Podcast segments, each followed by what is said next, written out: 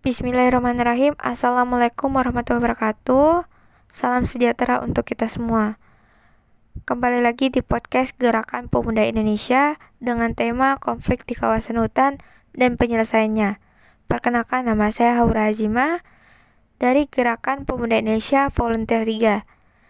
Di sini saya akan menjadi moderator dan perkenalkan teman saya Halo, Assalamualaikum. Perkenalkan nama saya Yusuf Arifian. Saya dari Gerakan Volunteer Gerakan Pemuda Indonesia Banyuwangi di daerah Tegatimo, Kabupaten Banyuwangi. Oke, Kak. Itu aja, Kak. Oke. Terima kasih kepada Kak Yusuf. Nah, eh, sekarang kita perkenalkan uh, narasumber kita. Perkenalkan, Kak. Kenalkan, nama saya Wibi dari Wibisono Ahmad Suryo Aminoto, nama lengkapnya. Panggilannya Wibi, saya asli dari Jogja. Saya, aktivitas saya menjadi uh, pendamping. Saya kerja, bukan bekerja sih, saya uh, di lembaga atau bisa bisa dikatakan kerja atau apa ya mencari ilmu di lembaga Arupa. Arupa ini yang membesarkan saya yang saya cari ilmu di situ. Lembaga Arupa adalah lembaga kepanjangannya aliansi relawan untuk penyelamat alam. Kami lembaga kami bergerak di pemberdayaan masyarakat di sekitar kawasan hutan uh, baik hutan ya di sekitar kawasan hutan. Intinya di sekitar kawasan hutan serta bagaimana uh, pengelolaan pengelolaan hutan khususnya di Jawa. Khususnya di Jawa itu gimana pengelolaannya supaya lebih optimal lebih bagus. Nah mungkin itu tapi tambah sedikit lagi. Uh, saya kurang lebih sudah lima tahun lebih aktivitas saya di Banyuwangi. Khususnya saya mendampingi warga sekitar Taman Nasional Purwo di Banyuwangi ya. Terima kasih Mbak Aura.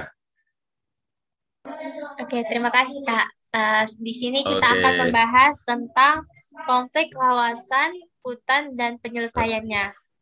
Nah, uh, mungkin dari kakak penjelasan awalnya dulu.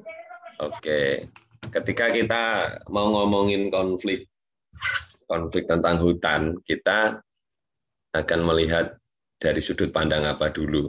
Maksudnya dari sudut pandang konflik terbuka atau konflik tertutup. Nah, itu harus kita bedakan. Konflik terbuka salah satunya ya seperti seumpama saya tidak suka dengan seseorang berkelahi, ya itu itu konflik terbuka.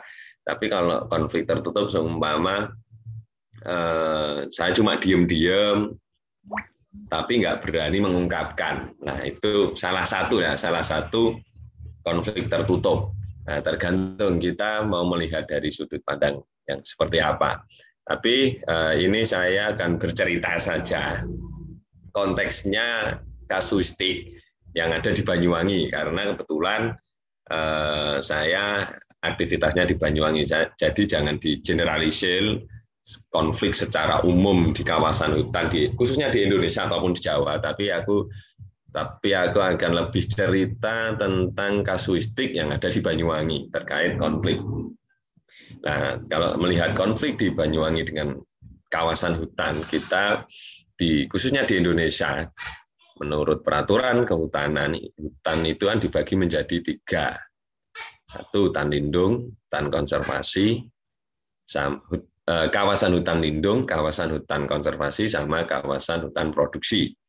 Nah, ketika di, di, di Jawa itu ada tiga hutan tadi, nah, kebetulan di, di Banyuwangi ada dua hutan yang uh, selalu saya beraktivitas dengan masyarakatnya lokal juga, itu ada hutan lindung, eh hutan konservasi, sama hutan produksi.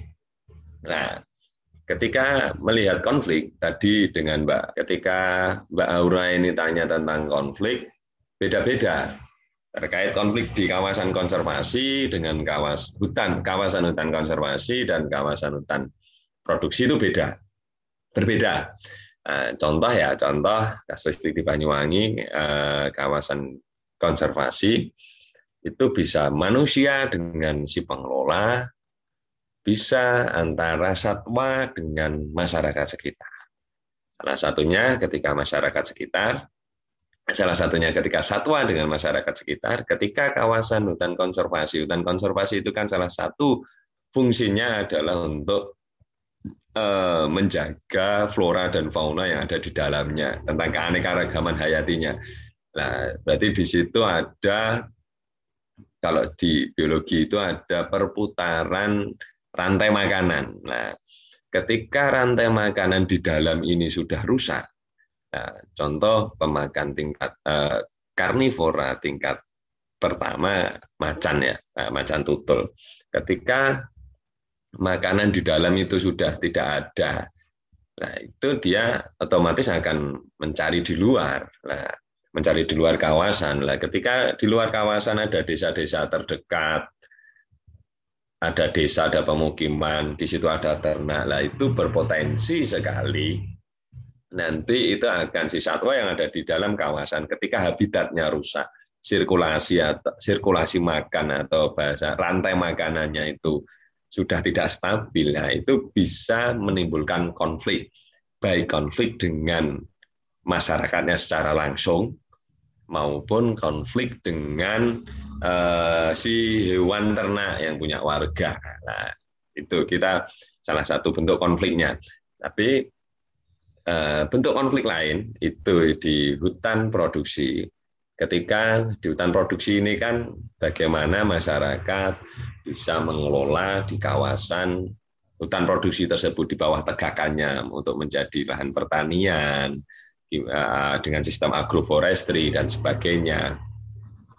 Nah, itu eh, apa ketika dia mau si masyarakat ini ingin apa ya mendapatkan akses kelola atau memanfaatkan di bawah tetapi hutan produksi ini yang dikelola oleh perum perhutani ini sama perum perhutani tidak diperbolehkan. Nah, ini bisa bisa membuat konflik juga antara masyarakat dengan si pengelola kawasan lah.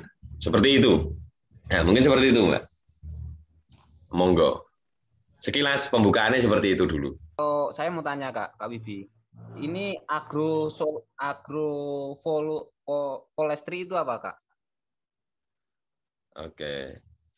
Jadi agroforestry itu adalah sistem di mana agro itu kan dari bahasa pertanian kan, artinya agro dan pertanian, forestry hutan. Jadi gimana kita memadukan pengelolaan kawasan hutan dengan pertanian. Nah, itu untuk mengakomodir bagaimana masyarakat-masyarakat sekitar, khususnya kawasan hutan, itu biar ya bisa tetap mendapatkan akses untuk mengelola di dalam kawasan hutan dengan tadi tetap eh, mempertimbangkan hutannya tetap lestari. Ya, seperti itu. Oke. Dan kalau kalau ini saya mau tanya lagi kak. Kalau jenengan kan dalam segi segi kan berdampingan dengan masyarakat. Kalau tips kalau caranya untuk untuk pendekatan di masyarakat itu bagaimana kak? Tip-tipnya dari jenengan? Nah, ini tergantung konteksnya. Kita konteks apa? Gitu Yang kita bahas ini kan konteksnya konflik. Oke. Apa tadi konflik di kawasan hutan atau apa tadi Mbak Aura? Konflik di kawasan hutan, Pak. Nah, ketika kita lihat judulnya konflik di kawasan hutan, tadi pertanyaannya Mas Ari terkait bagaimana cara pendekatan dengan masyarakat banyak cara, banyak cara. Eh, setiap daerah mempunyai kearifan lokal masing-masing.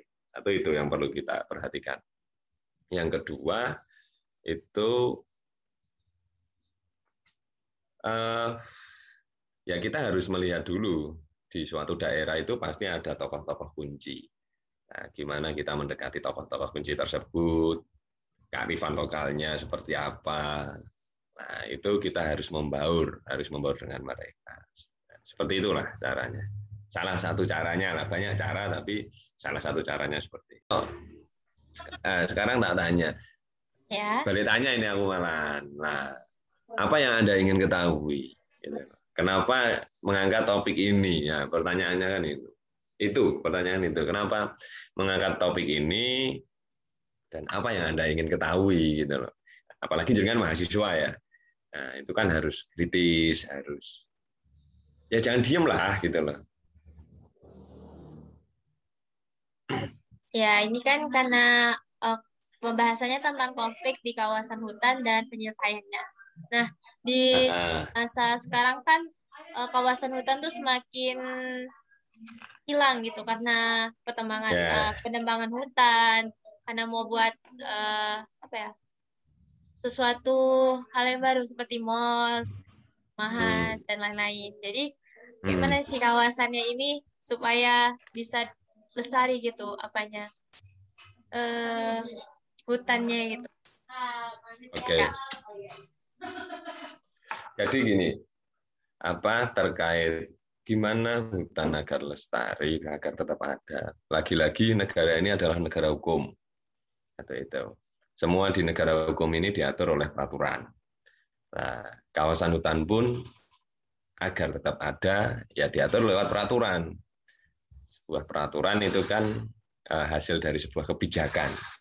Nah, ketika itu dari segi umumnya dulu ya, dari konteksnya di Indonesia ini. Tadi kan Mbak Aura bilang gimana agar tetap ada hutan ini. Apa ini salah satu yang perlu kita kita lihat agar hutan ini tetap ada ya kita uh, dari peraturannya. Ketika peraturannya ini berbunyi, oke okay, sudah ada penetapan kawasan hutan, ini ada hutan lindung, ada hutan produksi, ada hutan konservasi. Kita itu ketika itu ditegakkan oleh benar-benar oleh pemerintah, ya itu pasti akan tetap lestari salah satunya dari segi pemerintah atau negara. Tetapi ketika dari masyarakatnya, saya yakin kok saya yakin, saya yakin sekali masyarakat di sekitaran kawasan hutan itu dia tahu kalau di Sumatera ada suku anak dalam itu ada kan. Nah, suku anak dalam dia yang asli, yang hidupnya di hutan. Ya walaupun dia berpindah, tetapi dia pasti tahu eh, kapan saatnya aku berpindah. Terus dia akan kembali lagi ke situ dan sebagainya. Dia tahu tentang alam, bagaimana menjaga alam dan sebagainya. Karena kehidupan dia itu tertopang oleh si alam tersebut. Nah, yang biasanya yang merusak hutan, kawasan hutan itu ya lagi-lagi kalau saya melihatnya adalah sebuah corporate, sebuah perusahaan gede.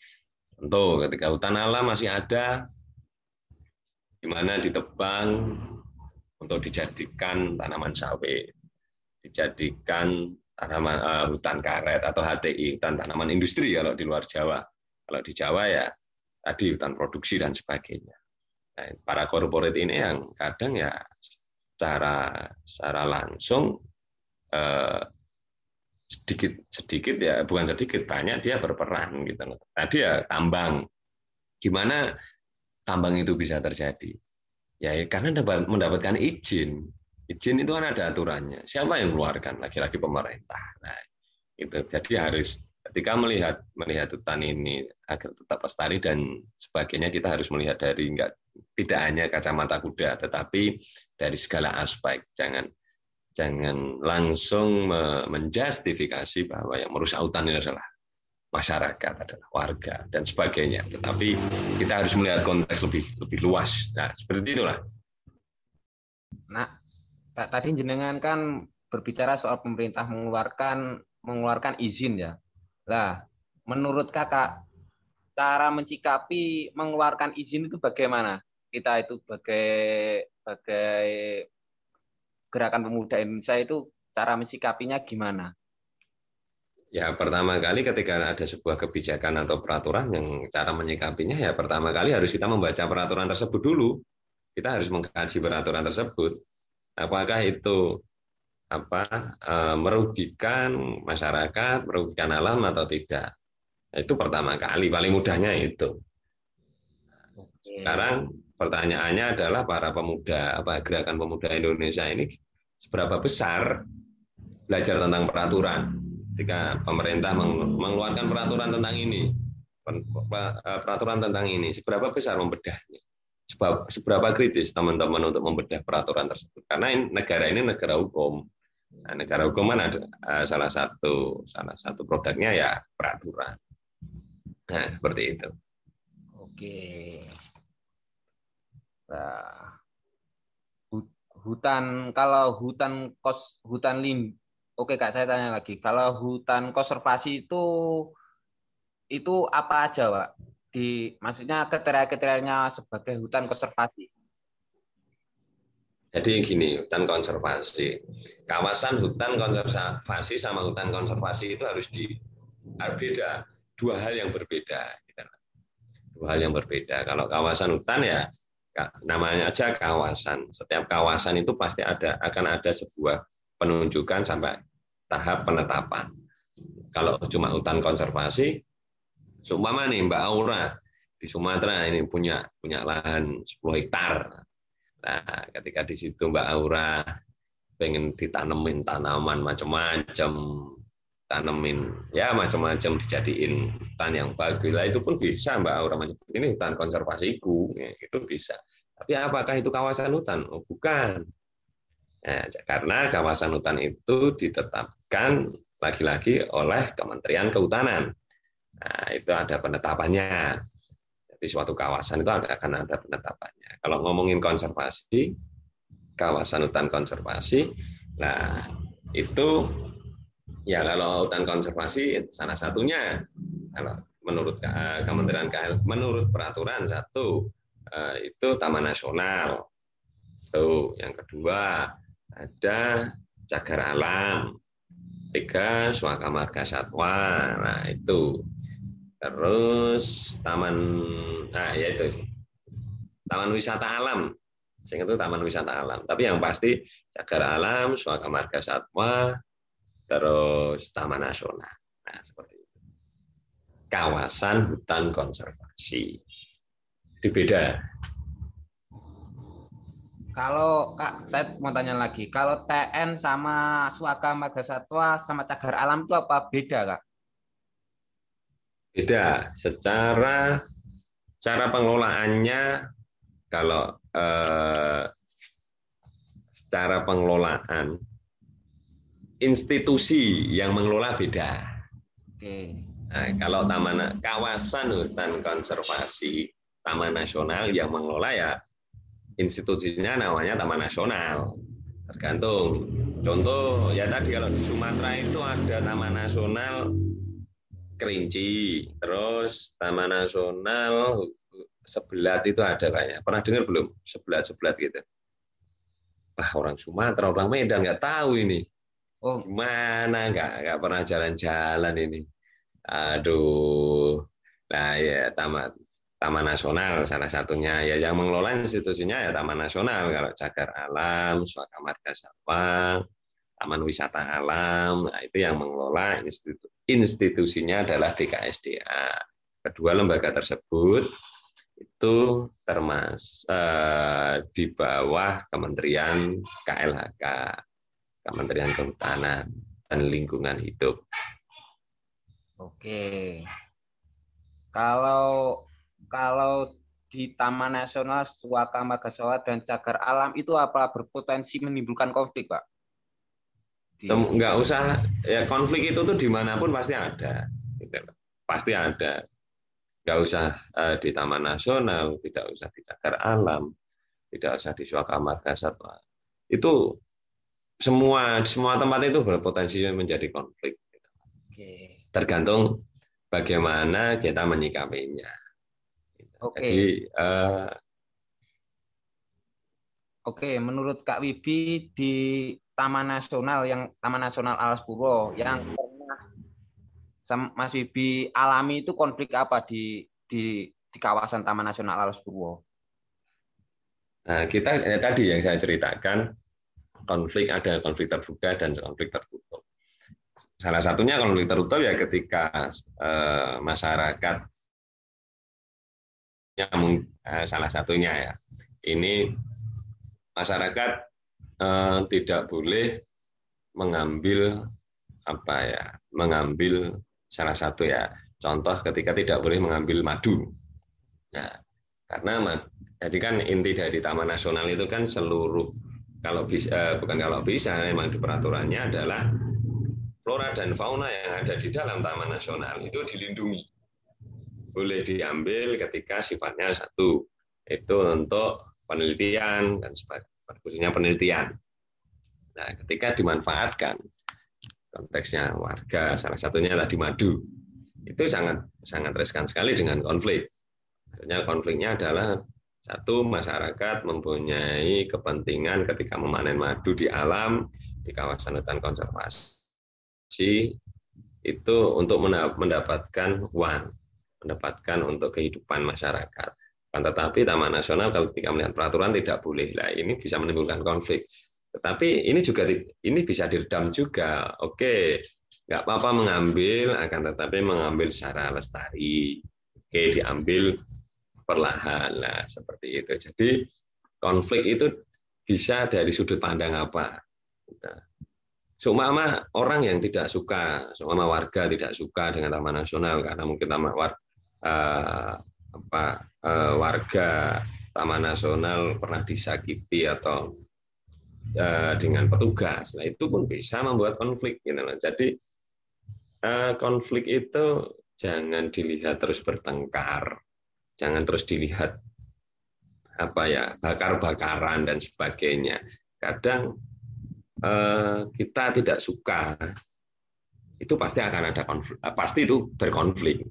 Tinggal konfliknya terbuka atau tertutup. Nah, kalau terbuka ya sama warga demo ke pengelola karena warga tidak boleh masuk dan sebagainya. Nah itu konflik terbuka. Tapi kalau di Taman Nasional sampai sampai detik ini ketika melihat antara manusia si, si warga warga sekitar dengan si pengelola tidak ada konflik akan tetapi eh, kemarin pun ketika ada bukan belum tidak ada tidak belum ada sampai saat ini ya dengan di ya, dulu dulu dulu ada dulu ada itu terkait ada satwa liar satwa yang dari dalam Taman Nasional Lasbowo itu memakan hewan warga eh, hewan ternak warga tapi dulu yang pernah terbukti gitu. jadi dulu ya tahunnya saya lupa tapi pernah saya mendapatkan cerita dari petugas Taman Nasional juga itu satwanya satwa liarnya sampai memakan warga hewan ternak warga. Nah ini eh, ya ini sebuah konflik gitu loh. Konflik konflik yang antara sebenarnya ini konflik konflik antara satwa liar dengan satwa ternak, tetapi karena ini satwa ternaknya itu milik seseorang, nah ini nanti bisa menjadi sebuah konflik besar, tapi bisa diredam. Banyak sekali nih. Ini kan konteksnya kan, kan konteksnya kan konflik di dalam hutan, di kawasan hutan dan cara penyelesaian. Tips-tips kakak untuk untuk untuk kita sebagai generasi muda gimana tip-tip kakak untuk untuk kita mencikapi untuk kita cara menyelesaikan di kawasan hutan hutan terutama di kawasan kita tersendiri gimana kak? Ya ya apa tipsnya sih ya pertama kali kita harus ketika melihat konflik jangan jangan menggunakan kacamata kuda satu itu. Oke. Kita harus melihat ketika dua sisi ini tadi, ketika ngomongin ada konflik kan pasti ada dua sisi nih kalau konflik. Nah, kita juga harus melihat dari satu sisi A dan satu, satu sisi B, biar tahu solusinya. Nah, tipsnya sebenarnya itu sih. Jangan hanya melihat dari satu sisi A saja, ataupun sebaliknya, tidak hanya melihat dari satu sisi saja. Biar nanti akan akan ada solusinya. Gitu. Ya solusinya gimana? Ya ayo diselesaikan dua belah pihak ini yang berkonflik. Gitu. Dengan cara kita cari data terlebih dahulu dari kedua belah pihak yang berkonflik. Seperti itu sih. Oke. Oke, Kak. I, oke, mengingat jam ini sudah jam 9 jam jam 8 lebih 10 ini kan sudah sudah waktunya penutupan. Nah, untuk Kak Wibi, apa kesan-kesan kesan-kesan dalam konteks ini tadi? Apa ya? Ya kesannya satu sih. Apa ketika membuat konten-konten satu podcast podcast ya podcast ya podcast ya seperti ini ya untuk teman-teman pemuda Indonesia gerakan pemuda Indonesia ini eh, teman-teman setidaknya uh, harus harus harus harus harus menggali benar, harus menggali yang dijadikan narasumber. Satu itu apa sih yang benar-benar yang ingin yang ingin diketahui satu itu. Terus uh, yang kedua saya saya terkesan saya saya terkesan dengan teman-teman pemuda ini. Ya ini harus dilanggengkan harus harus digemborkan terus. Harus dikemborkan gerakan pemuda ini seperti apa, efeknya seperti apa, harus harus punya visi yang jelas, harus punya tujuan yang jelas, efeknya mau ke mana, oke ke masyarakat, oke efeknya mau ke mana, ke ke eh, ke lingkungan, efeknya harus seperti apa, lah itu harus jelas, itu sih, apalagi gerakan pemuda Indonesia ini kan dari berbagai pulau ya yang menyatukan ada ada suku, ada budaya masing-masing, nah itu asik banget saya terkesan sekali ya, saya terkesan sekali. Saya dari suku Jawa, Mbak Aura dari suku Medan ya. Banyak banget yang Medan ada si Sitohang, eh, Sitohang ya. Sitohang itu Medan ya. Ada tak Tambusai, ada Situmorang, ada banyak kak. Nah, kan kalau nah, uh, ini kan ada ada Bata, ada Melayu, ada nah, macam-macam nah, lah. Orang Jawa nah, juga ada. Itu kan, ya itu kan asik kan. Maksud kalau di situ di Jawa mah biasa aja ya. Maksudnya eh, gerakan pemuda ini ya aku terkesan, aku sangat sangat sangat menarik, sangat menarik menyatukan apalagi konteksnya Indonesia dari berbagai suku, dari berbagai pulau. Ya ini yang harus dijaga, harus dijaga gerakan-gerakan ini harus ya ke depannya arahnya mau seperti apa.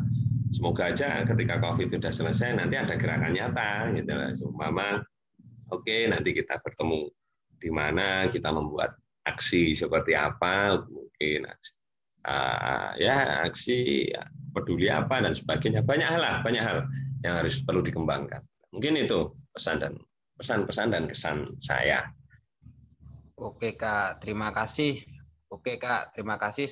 Saya sebagai moderator Yusuf Arifian, saya sangat berterima kasih kepada kakak sudah memberikan materi dan pemasukan bagi kita, bagi bagi gerakan pemuda Indonesia. Dan ya. Oke, oke. Dan saya di sini, dan, dan saya di sini sangat terkesan pada Kakak Wibi selaku dari pendamping pendamping pendam, selaku selaku dari lembaga Arupa, saya sangat sangat mengapresiasi sekali. Oke kak, se karena, se karena jamnya sudah selesai, mari kita tutup dengan doa. Doa menurut agamanya masing-masing. Doa mulai.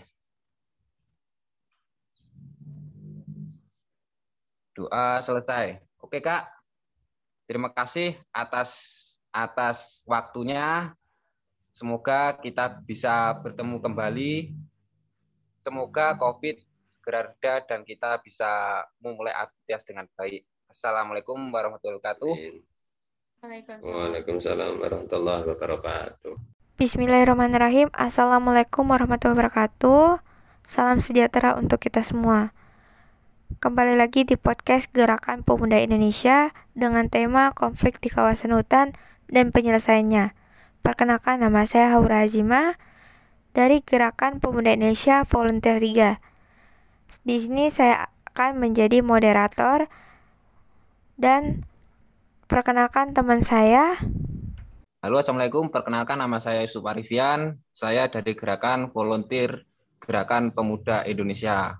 Banyuwangi di daerah Tegatimo, Kabupaten Banyuwangi. Oke, Kak. Itu aja, Kak. Oke, terima kasih kepada Kak Yusuf.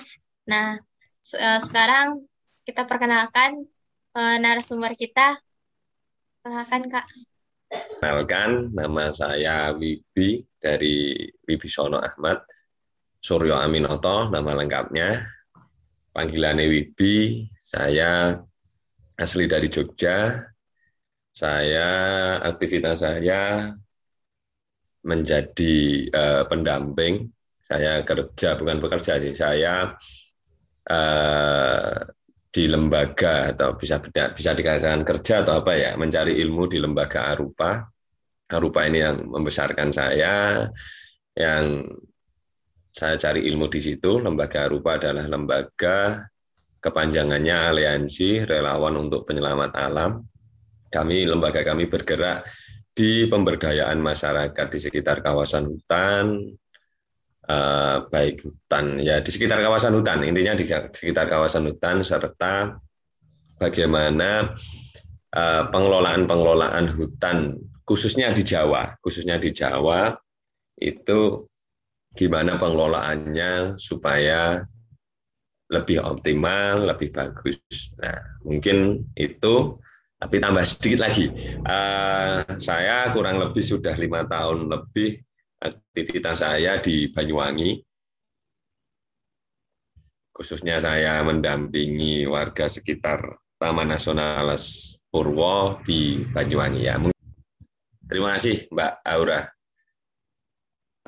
Oke, terima kasih Kak. Uh, di sini kita Oke. akan membahas tentang konflik kawasan hutan dan penyelesaiannya.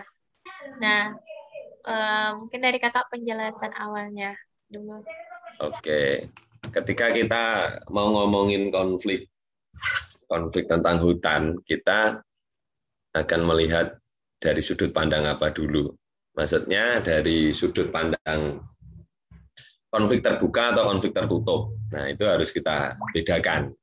Konflik terbuka salah satunya ya seperti seumpama saya tidak suka dengan seseorang berkelahi, ya itu itu konflik terbuka.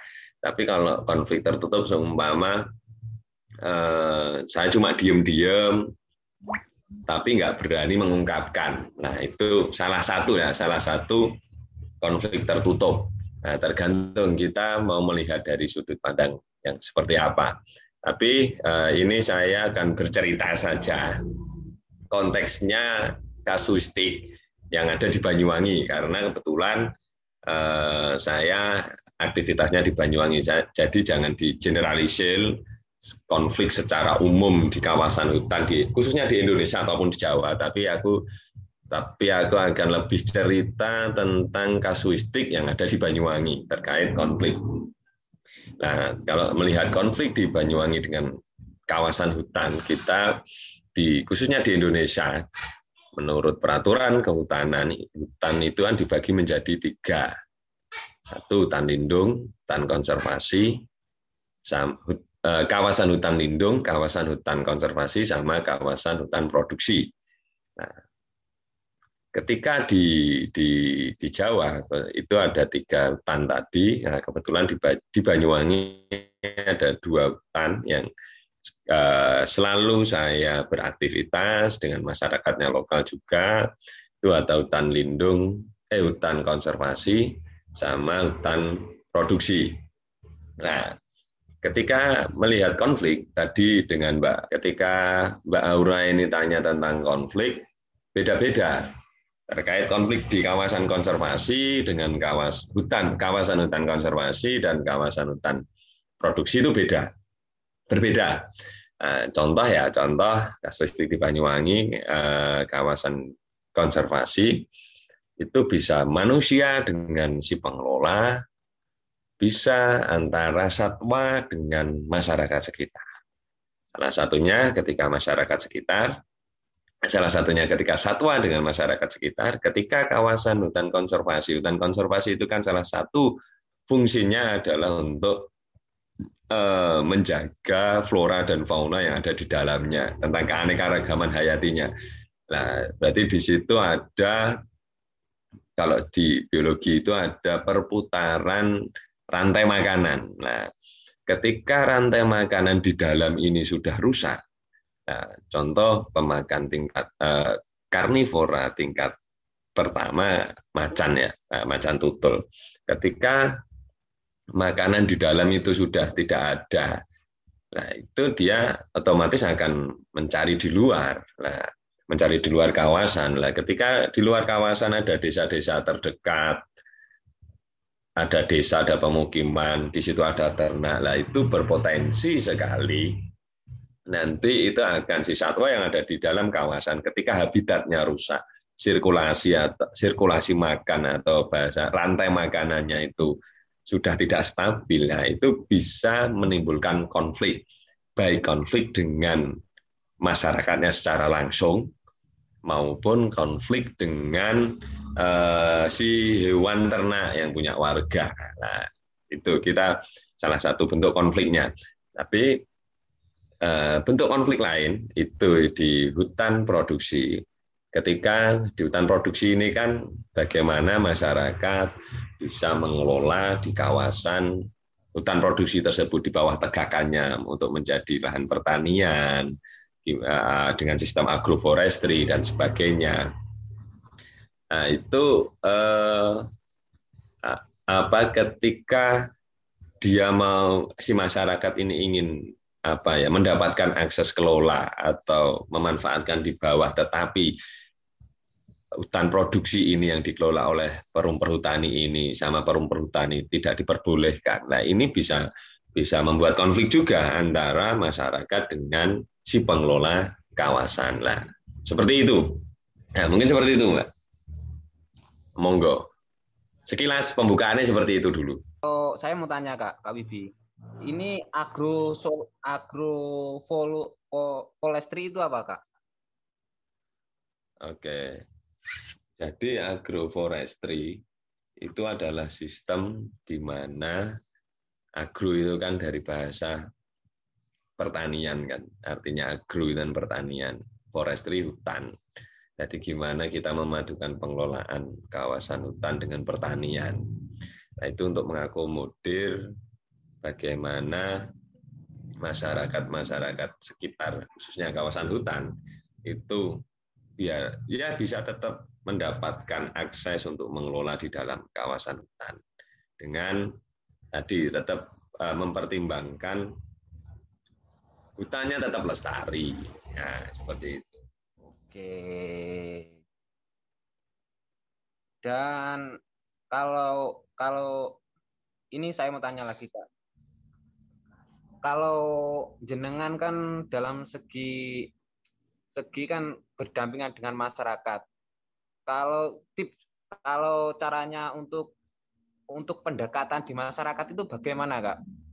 Tip-tipnya dari jenengan? Nah, ini tergantung konteksnya. Kita konteks apa? Gitu loh. Yang kita bahas ini kan konteksnya konflik. Oke. Apa tadi konflik di kawasan hutan atau apa tadi Mbak Aura? Konflik di kawasan hutan, Pak. Nah, ketika kita lihat judulnya konflik di kawasan hutan, tadi pertanyaannya Mas Ari terkait bagaimana cara pendekatan dengan masyarakat banyak cara, banyak cara. Eh, setiap daerah mempunyai kearifan lokal masing-masing. Atau itu yang perlu kita perhatikan. Yang kedua itu uh, ya kita harus melihat dulu di suatu daerah itu pasti ada tokoh-tokoh kunci. Nah, gimana kita mendekati tokoh-tokoh kunci tersebut, kearifan lokalnya seperti apa, Nah, itu kita harus membaur, harus membaur dengan mereka. Seperti itulah caranya. Salah satu caranya lah, banyak cara tapi salah satu caranya seperti itu. Oh. Eh, sekarang tak tanya. Ya. Balik tanya ini aku malah. Nah, apa yang Anda ingin ketahui? Gitu. Kenapa mengangkat topik ini? Ya, pertanyaannya kan itu. Itu pertanyaan itu. Kenapa mengangkat topik ini dan apa yang Anda ingin ketahui gitu loh. Apalagi dengan mahasiswa ya. Nah, itu kan harus kritis, harus ya jangan diem lah gitu loh. Ya, ini kan karena uh, pembahasannya tentang konflik di kawasan hutan dan penyelesaiannya. Nah, di masa sekarang kan uh, kawasan hutan tuh semakin hilang gitu karena pertambangan Yeah. uh, penembangan hutan karena mau buat uh, apa ya sesuatu hal yang baru seperti mall, mahan dan lain-lain. Jadi gimana sih kawasannya ini supaya bisa lestari gitu apanya eh hutannya gitu. Oke. Ya. Jadi gini, apa terkait gimana hutan agar lestari, agar tetap ada. Lagi-lagi negara ini adalah negara hukum. Atau itu. Semua di negara hukum ini diatur oleh peraturan. Nah, kawasan hutan pun agar tetap ada, ya diatur lewat peraturan. Sebuah peraturan itu kan eh, hasil dari sebuah kebijakan. Nah, ketika itu dari segi umumnya dulu ya, dari konteksnya di Indonesia ini. Tadi kan Mbak Aura bilang gimana agar tetap ada hutan ini. Apa ini salah satu yang perlu kita kita lihat agar hutan ini tetap ada ya kita uh, dari peraturannya. Ketika peraturannya ini berbunyi, oke okay, sudah ada penetapan kawasan hutan ini ada hutan lindung, ada hutan produksi, ada hutan konservasi. Kita itu ketika itu ditegakkan oleh benar-benar oleh pemerintah, ya itu pasti akan tetap lestari salah satunya dari segi pemerintah atau negara. Tetapi ketika dari masyarakatnya, saya yakin kok saya yakin, saya yakin sekali masyarakat di sekitaran kawasan hutan itu dia tahu kalau di Sumatera ada suku anak dalam itu ada kan. Nah, suku anak dalam dia yang asli, yang hidupnya di hutan. Ya walaupun dia berpindah, tetapi dia pasti tahu eh, kapan saatnya aku berpindah. Terus dia akan kembali lagi ke situ dan sebagainya. Dia tahu tentang alam, bagaimana menjaga alam dan sebagainya. Karena kehidupan dia itu tertopang oleh si alam tersebut. Nah, yang biasanya yang merusak hutan, kawasan hutan itu ya lagi-lagi kalau saya melihatnya adalah sebuah corporate, sebuah perusahaan gede.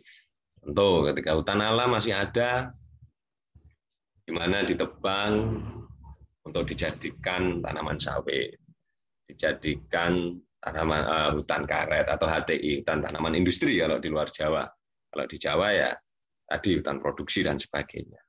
Nah, para korporat ini yang kadang ya secara secara langsung eh, sedikit sedikit ya bukan sedikit banyak dia berperan gitu. Tadi ya tambang.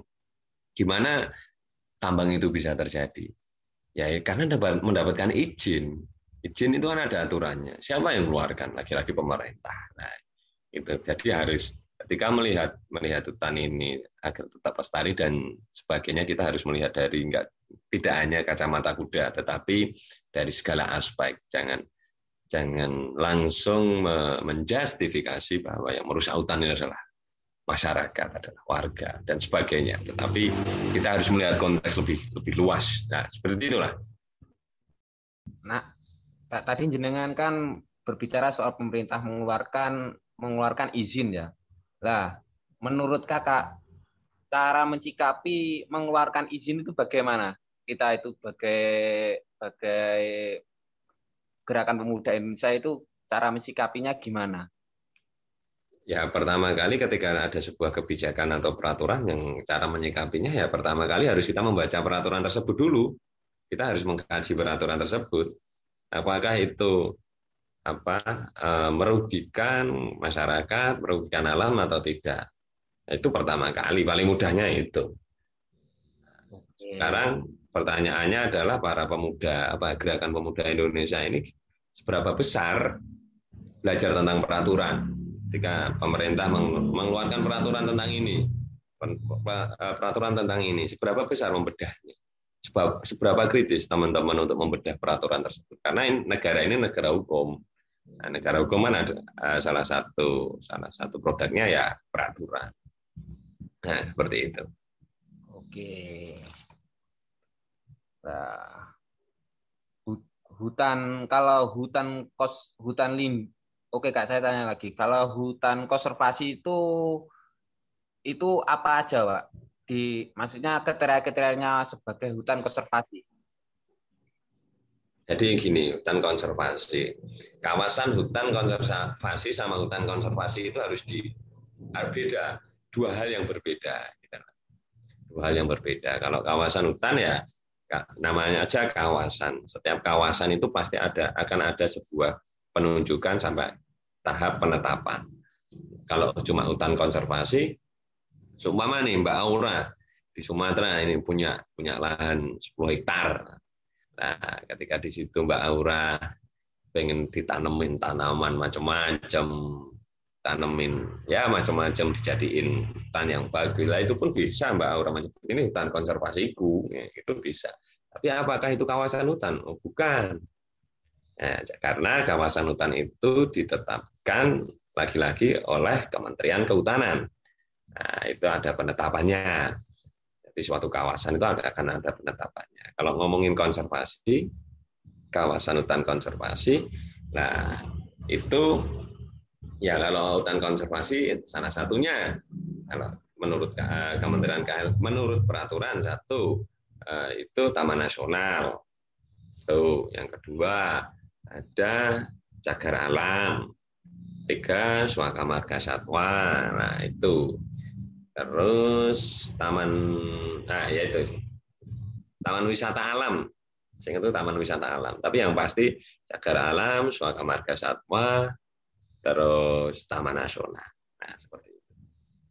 Kawasan hutan konservasi. Itu beda.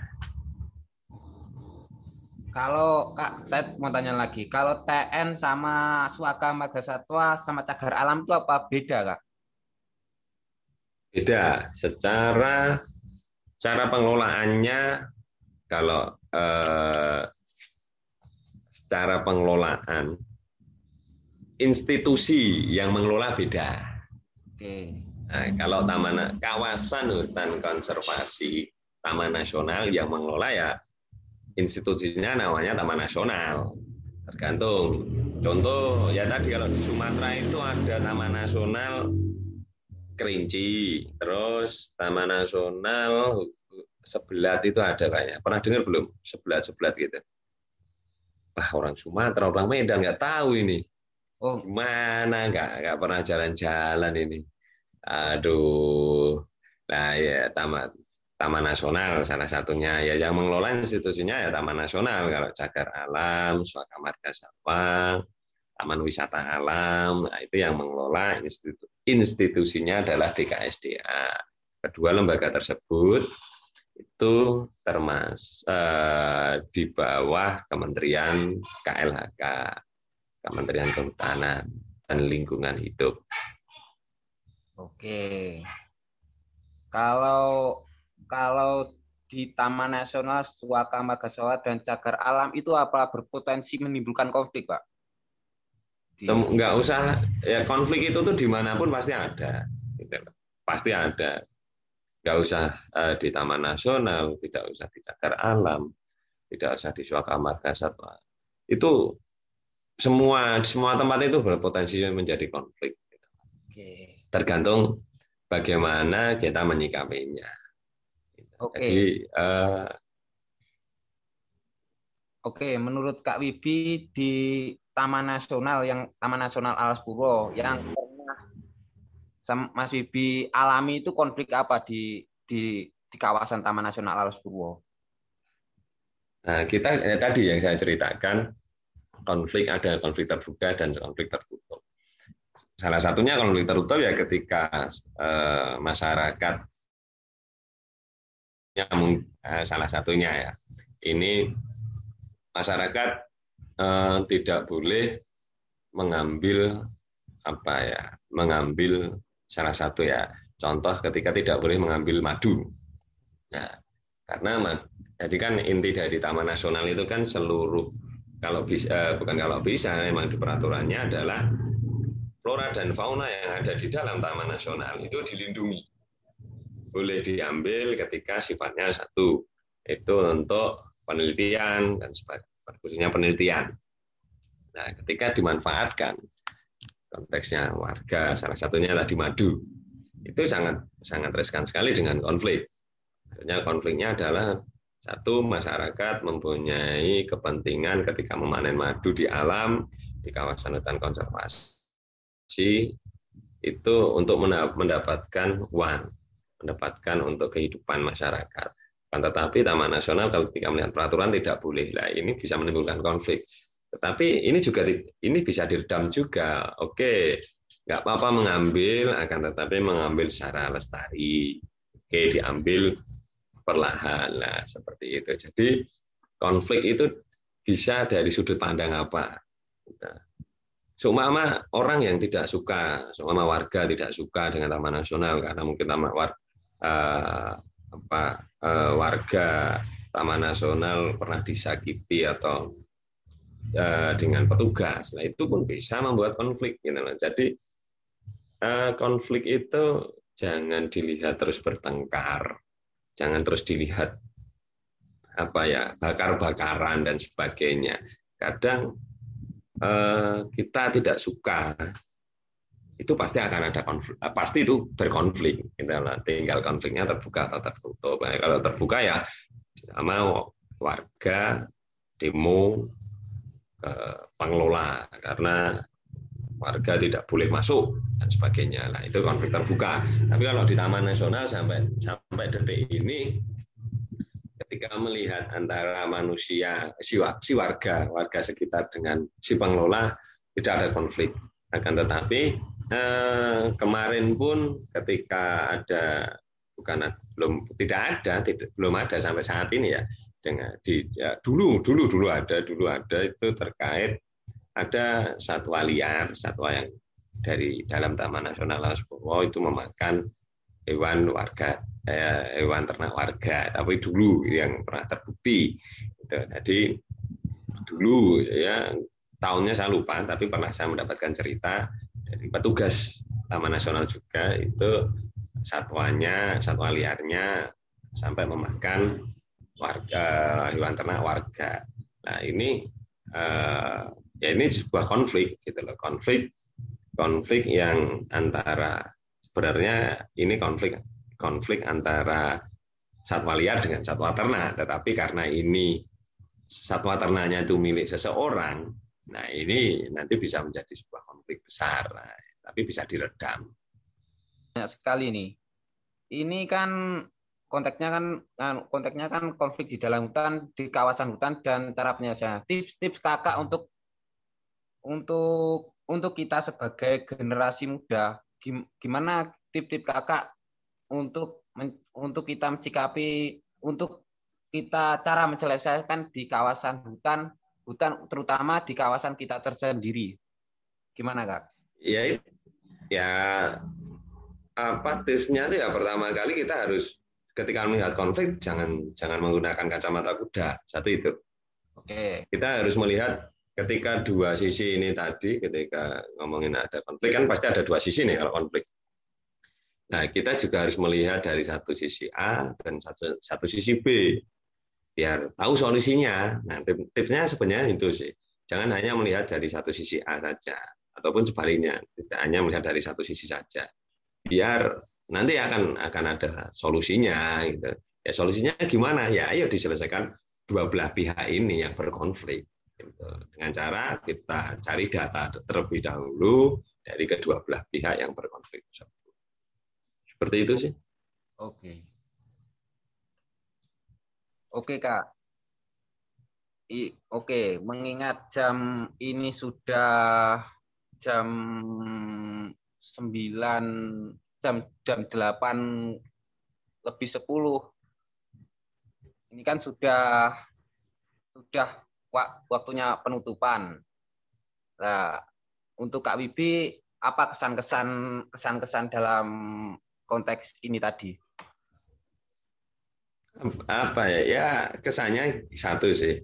Apa ketika membuat konten-konten satu podcast podcast ya podcast ya podcast seperti ini ya untuk teman-teman pemuda Indonesia gerakan pemuda Indonesia ini eh, teman-teman setidaknya uh, harus harus harus harus harus menggali benar, harus menggali yang dijadikan narasumber. Satu itu apa sih yang benar-benar yang ingin yang ingin diketahui satu itu.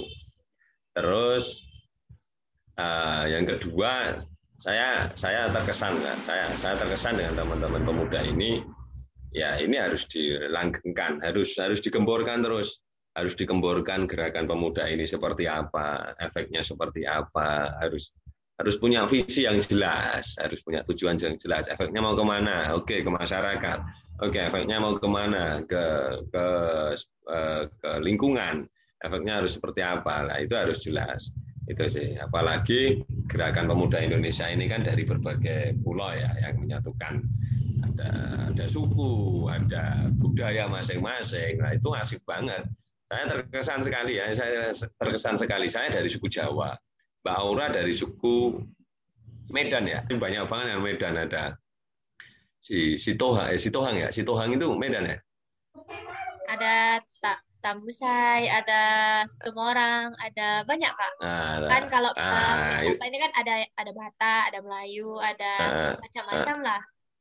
Orang Jawa nah, juga ada. Itu kan, ya itu kan asik kan. Maksud kalau di situ di Jawa mah biasa aja ya. Maksudnya uh, gerakan pemuda ini ya aku terkesan, aku sangat sangat sangat menarik, sangat menarik menyatukan apalagi konteksnya Indonesia dari berbagai suku dari berbagai pulau. Ya ini yang harus dijaga, harus dijaga gerakan-gerakan ini harus ya ke depannya arahnya mau seperti apa. Semoga aja ketika COVID sudah selesai nanti ada gerakan nyata gitu lah. Seumpama oke nanti kita bertemu di mana kita membuat aksi seperti apa mungkin aksi uh, ya aksi peduli apa dan sebagainya banyak hal banyak hal yang harus perlu dikembangkan mungkin itu pesan dan pesan-pesan dan kesan saya. Oke Kak, terima kasih. Oke Kak, terima kasih.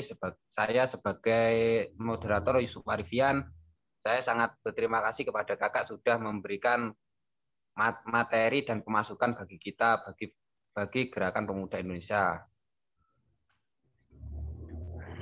Dan, ya. Oke oke.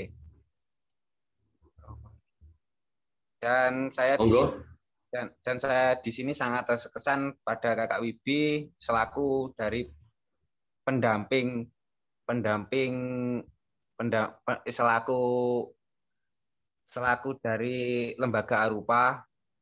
Saya sangat sangat mengapresiasi sekali.